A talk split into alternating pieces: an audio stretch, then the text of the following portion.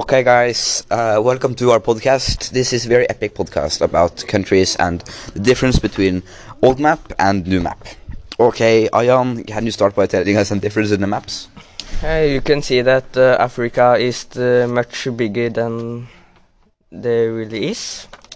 Mar, can you say something?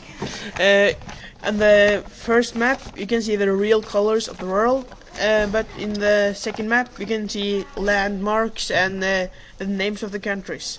Mikael, can you say some, something else? Uh, yeah, we also found that some of the countries are very much bigger than they are supposed to be. Like, for example, uh, Svalbard is uh, way bigger than it actually is. Yes, I am. You can also say that South America is much bigger.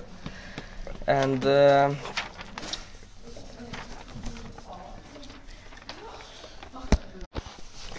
uh, Mar, can you say something else? Uh, the first map is uh, uh, seen from the middle, so uh, the countries got a more realistic size.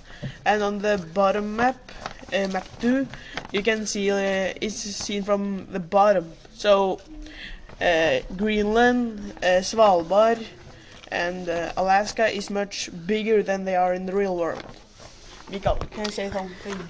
Uh, I also noticed some. Um, I also noticed that equator is uh, uh, uh, on the first map. It is going across Africa, and on the second one, it is going across Italy. And uh, Ayan has one more fun fact.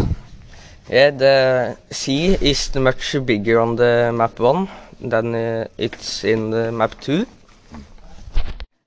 Okay, guys, thank you for the thing. We're very proud to be here.